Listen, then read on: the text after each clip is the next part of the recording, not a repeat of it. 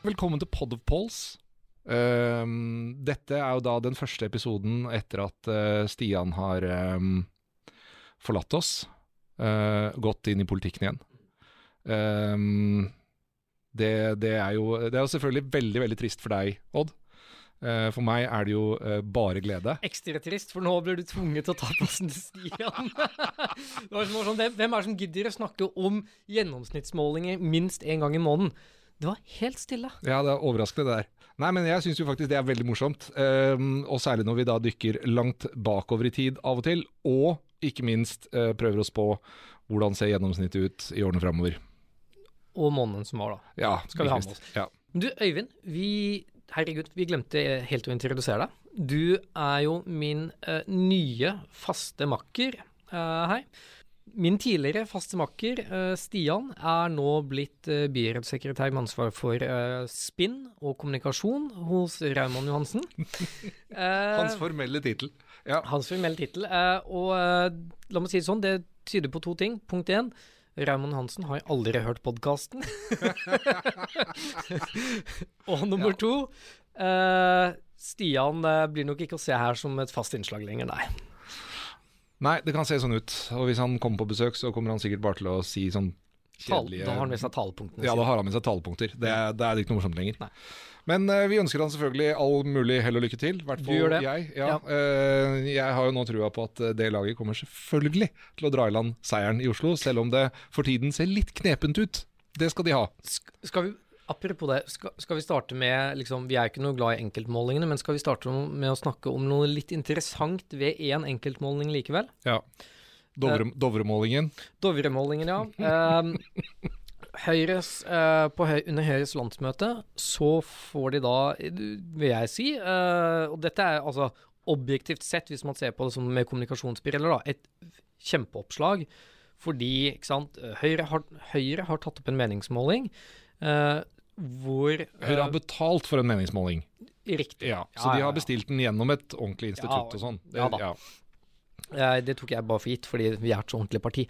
Eh, treng, jeg følte ikke at det var nødvendig å si. Men i den målingen så har man da brutt ned eh, oppslutningen eh, på de ulike bydelene, og finner at i Grorud bydel så er Høyre faktisk for første gang i historien målt å være større enn Arbeiderpartiet. Ja. Så, hvis vi bare skal si noe om det, så er det jo sånn at metodisk et makkverk altså, ja, altså for, for, uh, Metodisk så er det jo uh, Det er et arbeid gjort for å få den overskriften. Nettopp. Og det er greit, men det er, det er, det er bare det. Uh, du kan ikke trekke noen som helst konklusjon om velgerbevegelser eller et større bilde av Oslo-valget oss- ut av det tallet. Vi, vi kan si det sånn at uh, feilmarginen på uh, hva oppslutningen til de partiene er i uh, Grorud uh, bydel, er rimelig betydelig når du deler det på den måten. Ja.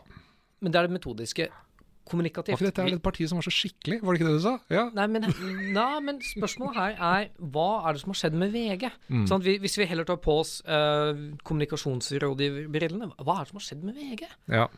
Fordi punkt én, vanligvis, min erfaring med VG har jo vært at de er Altså, det er no go å presentere målinger som et parti har betalt for. Ja. Det er punkt én. Og egentlig ikke som de ikke eier selv. Hvis det er målinger som noen andre har kjøpt inn, så lager du, er det veldig tydelig på at de ikke eier den, og Mm. Ja. så skriver de liksom en sånn apropos-sak. Eh, nummer to, altså at de bare på en måte går med på premisset, eller om de selv er de som syns at den biten er morsom, det, det vet jo ikke vi. Det er en ren spekulasjon. Men Jeg er ganske sikker på at det er Høyre som fant ut at de skulle selge inn den vinklingen. ja, det, det er nærliggende å tenke seg det. Ja, det vil jeg tro. Enig, enig med deg. Ja. Uh, men, uh, også, men at ikke de liksom tok tak og likevel fremheva det som jo målingen viser når du ser hele kommunen, byen, under ett, som er det at her er det jo fortsatt fryktelig jevnt. Ja. Det var, altså, hadde, jeg vært, altså, hadde jeg vært i Høyre, jeg hadde vært så fornøyd med den saken. Ja, og det tror jeg de var. Uh, hvis du så trynet til Erik Lahl Solberg på forsida av VG, så, det, så var han, var, han var helt, helt greit fornøyd med den. Men uh, jeg tror det, det egentlig er det mest interessante takeaway av hele undersøkelsen. At det er fortsatt så sjukt jevnt. Ehm, og det er jo fortsatt veldig krevende for Høyre å bygge et flertall i bystyret. Ja, ja altså det, det kan komme ned på marginen, dette. Ja. Uh, altså Hvem vet om Senterpartiet ender opp med å komme inn eller ut, og de kan bli De kan havne på vippen. Tenk, den neste ordføreren eh, i Oslo kommer fra Senterpartiet i så fall. Jeg kjente litt på det nå, så fikk jeg litt vondt. Nei, men eh, det, nå har vel de på de siste målingene, tror jeg Senterpartiet har vært ute. FNB er jo, eller unnskyld, Folkets parti heter det nå, er jo nesten eller helt så godt som utradert. Eh, eh, det kan jo også henge sammen med at mesteparten av gruppa deres har gått ut og dannet nye partier etter at de kom inn. Det er jo alltid krevende. Uh, men uh, men eh, at, at det fortsatt er jevnt, at det kommer til å være ganske få stemmer som Mm. avgjør om Raymond blir sittende. Um, og det som blir enda mer interessant, for nå snakker man jo bare om hvordan dette kommer til å se ut rødt eller blått. Uh, det som kan bli enda mer interessant, er jo også hvordan kommer byrådet til å se ut Mm. etter et valg. Der hvor MDG gjør det egentlig ganske svakt nå. Ja. Uh, SV gjør det jo for så vidt ganske bra, Mm. uh, og Arbeiderpartiet strever virkelig i motbakke. Så hvis de klarer å dra inn den seieren, støttet av Rødt, hvis de klarer å holde seg på det nivået de skal, Mm. hvordan kommer den byrådskonstellasjonen til å se ut? Ja. Det, og, og det, ja, det kan bli veldig interessant. Det kan det. Men svaret på det får vi ikke i målingene. Um, og vi er jo Nei. først og fremst her for å snakke om gjennomsnittet. Eh, jeg vet at du prøver sannsynligvis å utsette dette, for du har vel tatt en sniktitt eh, før sending. Ja, Um, hva, men- var, hva var det du ville snakke om? Skal jeg, skal jeg innlede med det? Ja, Odd, hva var det du ville snakke om i dag? Altså, uh, dette begynner jo nesten å bli litt sånn kjedsommelig del av podkasten, er å si at ja, nei, eh, Arbeiderpartiet gjør det enda litt dårligere på gjennomsnittet i mars enn de gjorde i februar, eh, Ja. og Høyre gjør det enda litt bedre, og så er det ganske små bevegelser. Det er liksom Det har nesten blitt en litt fast rutine. Eh, for noen sendinger siden så var vi litt sånn Har liksom Hadde Ap nådd bånd? Var de på vei oppover? Ja. Svaret på det var nei. Nei. De er nede på 17,1, Ja. som er en faktisk egentlig ikke så helt ubetydelig nedgang på nesten 1,5 prosentpoeng. Og som uh, Ja. Som gammel dårlig idrettsutøver skal du si at enhver rekord er rekord. Uh, så det skal man ta med seg. Nei, men uh, ja, det der, altså den grafen på gjennomsnittet der hvor du ser på Høyre og Arbeiderpartiet, begynner jo å se På ut polls.no, som vi jo bare er parasitter til, egentlig. Ja, ja. ja, vi, vi, ja. Det, men det er en åpen nettside enn så Mm. lenge, så vi nyter det. Eh, men den begynner jo å se ut som eh, det derre trygdegapet, liksom. Mm. Eh, rett og slett. Hvor mange gamle, hvor mye inntekter. Um, men man skal jo snu dette, har man sagt. Mm. Eh, og så har man sagt det lenge. Eh, Arbeiderpartiet Fordi det er for så vidt litt interessant for regjeringens del. Da. Arbeiderpartiet er jo de som helt klart gjør det svakeste i regjeringen. Senterpartiet har jo egentlig normalisert seg. Mm. På snittet nå, hva er det de ligger på i mars? Eh, I mars så ligger de på 6,2. Ikke sant? Historisk sett egentlig ikke så ille for Senterpartiet.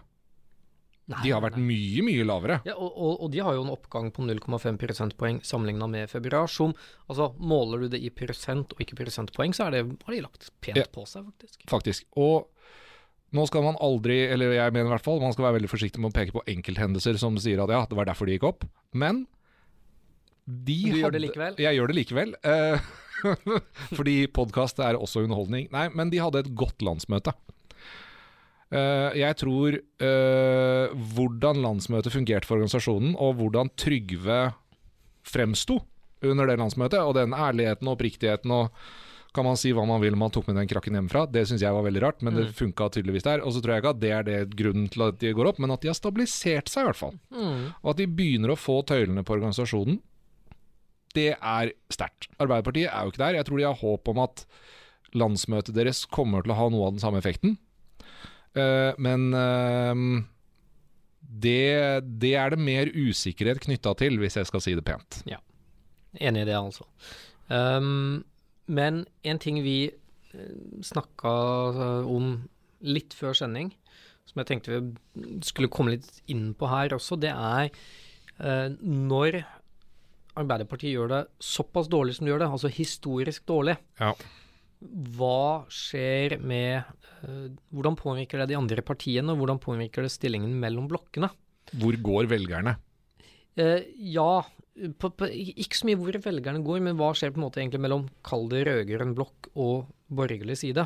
Sånn sett, ja. Maktfordelingen i politikken. Ja. Ja. Eh, og parallellen er jo i hvert fall for min egen del veldig nærliggende å tenke tilbake til da Høyre gjorde det fryktelig dårlig på målingene i sin tid. Jeg hadde jo gleden av å jobbe eh, i partiet, eh, også på den tiden hvor det var så dårlige målinger. Generalsekretæren eh, ble sendt ut for å kommentere, og da er det ordentlig krise i Høyre. Da er du langt ned på rangstigen. Fordi han er, han er ikke folkevalgt. Eh, Nei. så hvis han blir bedt om å kommentere, da er det ille. Ja. Men ehm, på, på det verste, på snittet, da. Men når er vi nå? Nå er vi i det var det jeg skulle si, i juli 2009. Ja. Det, er liksom, det er det verste snittet Høyre har hatt. Ja. Eh, da hadde man en oppslutning på 13,1 på snittet, og Arbeiderpartiet hadde 33,5. Mm. Og det kan man jo, ikke sant, og det høres jo nesten ut som om de har bytta plass siden eh, altså mars 2023, eh, juli uh, 2009. Mm. Partiene har nesten bytta plass sånn oppslutningsmessig, de to partiene. Ja. Men det er likevel ganske uh, Altså, jeg syns bildet er ganske annerledes hvis du ser på hvordan fordelte det seg mellom blokkene. Ja. Fordi i juli 2009 så hadde borgerlig side til sammen fortsatt flertall med 51,5 mens eh, de rød-grønne hadde en oppslutning på 45,8 til sammen. Mm. Så vant de valget Ja. i 2009. Ja. Så det, det er tenker jeg greit å ha med seg også for alle som nå spår denne regjeringens undergang to år før et valg. Det er tidlig. Det er litt for tidlig. Ja. Eh, men vi spoler fram til mars 2023. Eh, og da har de rød-grønne 42 blank, Mm. Uh, og borgerlig side har 53,4. Mm. Så i løpet av hele perioden, Mm. borgerlig side har da disse to månedene målt mot hverandre styrka seg. Men så var det sånn at når Høyre gjorde det skikkelig dårlig, så hadde samtidig Frp sin storhetstid. Ikke sant? De hadde 27,5, men Høyre hadde 13,1. Mm. Når Høyre har 32,4, så har Frp 12,4. Ikke sant. Ikke sant? Så, så Høyre og Frp til sammen, hvis du, hvis du tar bare de to partiene, Mm. har holdt seg betydelig mye mer stabilt i sum av oppslutning enn hvis du ser på hva Ap og SV f.eks. blir til sammen. Fordi Ap og SV til sammen, juli eh, 2009, over 40 Mm. Ap og SV til sammen i mars 2023, 26% Hvis du legger til Senterpartiet, ja. Eh, Senterpartiet er interessant, for de hadde eh, 5,2 i eh, juli 2009 og 6,2 nå. Nettopp. Så, så det, er, det betyr at velgerne har forsvunnet et sted. Ja. Um, og åp åpenbart en del av disse velgerne har forsvunnet til henholdsvis Rødt, Ja. som jo ikke liksom, de, de ble ikke engang tatt med på målingene tilbake i 2009. Eh, det ble heller ikke MDG. Mm. Og i dag så er de to partiene nesten 10 til sammen. ja. Altså Rødt og MDG. Og d- så, ikke sant? så allerede der ser du at det har vært en fragmentering Ja. av partifloraen. Mm. Men så er det en liten artig ting til, hvis vi skal nøle på dette. Og det skal That's vi. why we're here. Og det skal yeah. vi. Første gang at andre partier på en måte i det hele tatt er mulig å oppspore på gjennomsnittet av målingene til Poll Pols. Nå snakker vi også om den grå søylen, for de som lurer på det. Ja, den grå søylen. Ja. Eh, det er mars 2010, og da er det 0,3 Ja. Og så har det på en måte gjennom perioden bevega seg opp og ned. Ja. Eh, Ofte preget av sånne enkeltinitiativer. Ja, Ja. og så kan du si, så, har de, så hadde de en topp da, eh, i juli 2019, hvor gjennomsnittet var 5,5% Det var bompengepartiene, alt mulig sånn. Ja. Men Noen av oss som jobbet i kommunepolitikken da, husker det levende? ja, men mars 2023 nesten 4,7% Og det betyr at den virkelig store forskjellen Mm. mellom 2009 og 2023, det er den Altså da, det er den fragmenteringen som gjør at mens de rød-grønne den gangen samla nesten 50% så samler de knapt nok nå over 30% Mm. fordi at en, Det er ikke mange velgere som har forsvunnet på borgerlig side, men veldig mange har forsvunnet til Rødt, MDG og andre. Ikke sant? De samler nå nesten 15 til sammen. Det er større velgerbevegelser, ja det er det jo, men det er jo fortsatt en anselig mengde velgere som har gått til borgerlig side. Uh, jo, men I hvert fall fra Arbeiderpartiet. altså, det er omtrent 2% av hele velgermassen har fra 2009 til Altså snittet av målet. Ja, sånn, ja. ja. Mm, ja. Så, så, den, så den store uh, avskallingen blant de tradisjonelle rød-grønne partiene er egentlig Mm. Har skjedd gjennom fragmentering, kanskje? Det er akkurat det. Ikke, Ja. ikke vandring, men fragmentering. Ja. ja, det er jo et, Det er en interessant observasjon. Um, og så har jo, um, kan man si, den eh, venstresiden har jo noen historiske tradisjoner for å bryte ut av og til. Uh, SV med sitt Nato-standpunkt brøt ut, eller SF som det het den Mm. gangen, um, var jo nettopp et produkt av en konflikt. Men ikke sant? da var det en stor konflikt, det var et skjellsettende spørsmål som splitta uh, den gang Arbeiderpartiet. Mm. Uh, nå er det jo mer en trend, en utvikling. Hvorfor har Rødt da begynt å gjøre det så bra på meningsmålingene? Hvorfor har Rødt nå vært på liksom historisk høye tall, liksom, opp mot 10% på enkelte målinger? Er det fordi de har geniale løsninger, eller er det um Eller har de vært veldig flinke til å kunne kommunisere, i tillegg til at de har gjort et solid organisasjonsarbeid over lang, lang tid? Ja. Jeg heller til at det er mer det, Ja. enn, at folk er, har så intenst lyst på skal si, summen av rettspolitiske løsninger. Definitivt. Eh, altså, Ikke til forkleinelse for Rødt, for det er helt sikkert en del mennesker som gjerne ville tatt hele partiprogrammet og uh, gjennomført i morgen. Det er ikke det jeg mener. Men eh, det er nok først og fremst et altså Grunnen til at de har vokst så mye, da, er jo eh, evnen til å kommunisere og et godt organisasjonsarbeid. Det vil jeg si. Ja, og kapitalisere på de situasjonene som dukker opp, sånn som strømpris har de vært veldig veldig flinke til å jobbe målbevisst med. Men det er kommunikasjonsjobb. Ikke sant? Og det er en god kommunikasjonsjobb. Mm. Uh, men da er det jo også uh, ikke sant? For det her er det også et spørsmål om hvorfor har ikke f.eks. SV klart å kapitalisere enda mer på det? Hvorfor har ikke Frp kapitalisert mer på vi skal si den fra fragmenteringen, da. Mm. Og hva, hva tror du gjør av den fragmenteringen, hvis vi da ser på den venstresiden um, der hvor også MDG har dukket opp? Oss, Mm. De er blokkuavhengige, men, men de stemmer jo ofte den veien. Ja. Uh, hva er det som gjør at man ikke har fått den samme fragmenteringen på høyresiden? Man har jo hatt noen sånne ut, utbrudd. Man har jo hatt litt bråk internt i Frp, i hvert fall Oslo og sånne ting. Jo, men, men altså borgerlig side har vel til en viss grad vært utsatt for en fragmentering, det også, hvis du ser det over skal vi si, lang nok tid. da. Ja. Altså Anders Langes parti, mm. eh, der var det jo mange altså det, Selv om ikke det var sånn et, noen som brøt opp og ut av Høyre, så var det jo eh, så var det nok mange i Høyre som fant seg eh, et slags hjem der, til å begynne med. Ja. Uh, KrF kan man jo stille Altså det at det partiet nå uh, konsekvent ligger under sperregrensa, kan jo man jo fint si at det er et resultat av at eh, du har litt Altså, ikke sant. Er- marginene er så små at til og med partiet Sentrum Ja. og de konservative, tidligere partiet De kristne, uh, har vært med å stjele velgere. Ja. Du har Pensjonistpartiet, som uh, nok mange steder tror jeg kan bli definert som et slags borgerlig parti. Uh, Ja, du det har, varierer eh, nok fra kommune til kommune, men ja. ja. men man har Norgesdemokratene. Altså, Det er bare noe med at Kleppelista. Kleppelista, helt ny, helt fersk, Helt veldig nye, fin, ferske. sikkert. Heia Eh, Kristiansand for å gi oss nye måter å tolke politikk på. Ja. Nei, så eh, jeg vil si at høyresida har nok vært preget av veldig mye fragmentering, den òg, men kanskje i mindre grad, med unntak av Frp, da, av partier som har vært vellykka. Særlig vellykka over tid. Mm. Fordi suksessen til MDG og Rødt er jo begge to at de har klart å etablere seg på Stortinget. Uten tvil. Uh, ja, og som du sier, over svært lang tid. Um, og det vil jeg nå uh, påstå uh, fra hofta, har jo noe med at um, tradisjonen for partibygging og systematikk i organisasjon på venstresiden Mm. har jo vært uh, i dette landet ganske sterk.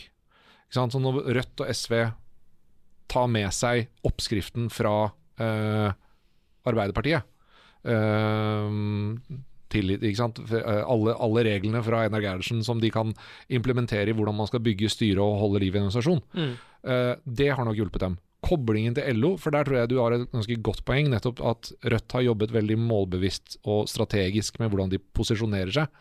Og det at de også har blitt godt representert i fagbevegelsen, og Mm. kommet seg ganske høyt opp i tillitsmannsapparatet, Mm. uh, gjør også at de har fått mer innflytelse enn eh, hva man, si, en man skulle tro at den uh, beinharde kommunistbefolkningen i dette landet sånn, Hvor store de er, hvor mange de er. Ikke mange nok til å gi den, den, den oppslutningen de har. Overhodet ikke. Det, det, er nok eh, mange, det er nok mange som opplever Rødt som skal vi si, litt sånn de ekte representantene for sosialdemokratiet. Ja. Eh, minner på, altså det minner meg om en sånn fantastisk tegning av Roar eh, Hagen i eh, VG. Hvor eh, Hadia og eh, eh, Jonas sitter en, på en sofa. Og så spør Hadia skjedde det noe mens jeg var borte. Og så sier Jonas noe sånt som ikke noe spesielt, men Rødt kom og tok med seg liket av Einar Gerhardsen. Fy faen. Uff a meg. Ja, det, mm, vi stjeler hverandres politiske av og til eh, saker, av og til klær, som noen har beskyldt eh, Høyre for, ikke minst. Um, Du vet jo fulle og hele sitatet bak dette. Det var Jan P. Syse eh, som eh, sa om uh, Arbeiderpartiet at de har stjålet våre klær mens vi badet. Ja. Og så er det den delen av sitatet som ikke ble husket, som var det at men vi har en svært stor garderobe. Herregud. Jeg tror det var like greit at de kutta den.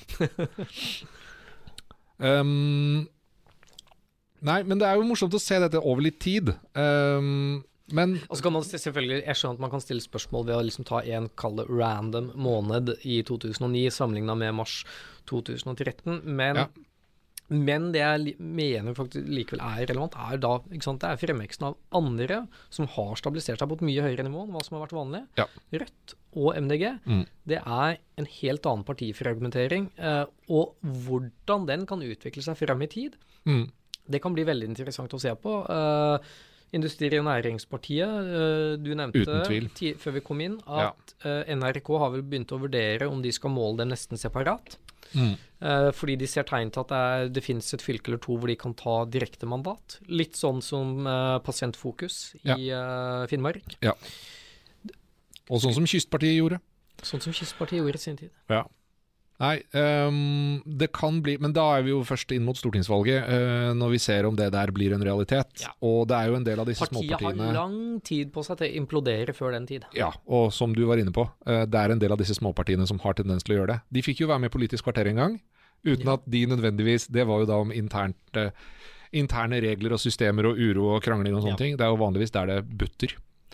Um, men uh, også er det jo en del som har um, luftet tanken på at dette Nidaros-fenomenet kanskje kunne bryte ut og bli et eget parti. Det tror jeg er uh, uh, journalistisk ønsketenkning for at de kan lage saker i månedsvis.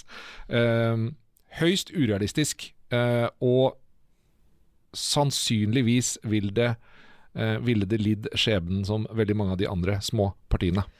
Men det er jo et scenario som er veldig morsomt å spekulere i at kan skje, og hvordan kan det skje? Ja. Eh, altså vi, la meg si sånn, det, det hadde nesten vært en egen podkast. Eh, så jeg skal bare nøye meg med å si følgende. Det er det at hvis du kan få, kall det, avleggere av Nidaros i mange andre fylker, sånn som det har vært tegn til at man ville Ja, vel, prøve å få Ja, til to jo, stykker som har prøvd, og én som har fått lov. jo da, men én er fortsatt uh, dobbelt så mange som det de har i dag. Uh, og, og så er det ikke til å komme utenom, da. Trond Giske har jo en eh, Altså, han er jo som fluepapir eh, på eh, media. Ja. Så han ville jo umiddelbart kunne etablert en mediesynlighet som disse andre partiene ikke er i nærheten av å få til i en etableringsfase. Uten tvil. Og eh, hvis vi ser tilbake på eh, eh, tanken rundt eh, organiseringen, eller oppbyggingen av liksom SV, Rødt og disse venstresidepartiene. Eh, systematikk, Mm. partibygging, Mm. eh, avklart organisasjon og sånne ting. Ja, det, det ville jo være der. Mm. Som jo ville skape sannsynligvis større eh, stabilitet i eh, et nytt parti på vei opp. Men jeg står fortsatt på min analyse om at jeg tror det er null sjanse for at det kommer til å skje. Det, la meg si det sånn. Uh, realisten i meg uh, er vel langt på vei enig med deg. Uh, og så kan du si at den, den delen av meg som har lyst på dramatikk i norsk politikk, håper på en måte at du tar litt feil. Du, bare, du, burde se The Mandalorian, det er god underholdning. Se, satse på det. Og så får vi håpe at politikken skal være stabil, god og trygg i styring i en vanskelig tid. Som Stian ville sagt her, med talepunktene sine. Det, det var utmerka innsalg for Høyre helt på slutten her, syns jeg. Eh, så med det så sier vi takk for oss i dag. Og vet du hva Nei, du har jo aldri hørt på denne podkasten, så du vet jo ikke hva Nei. vi pleier å si når vi avslutter. Nei, jeg gjør ikke det. Den som måler, får se. Nettopp. Ta takk for oss.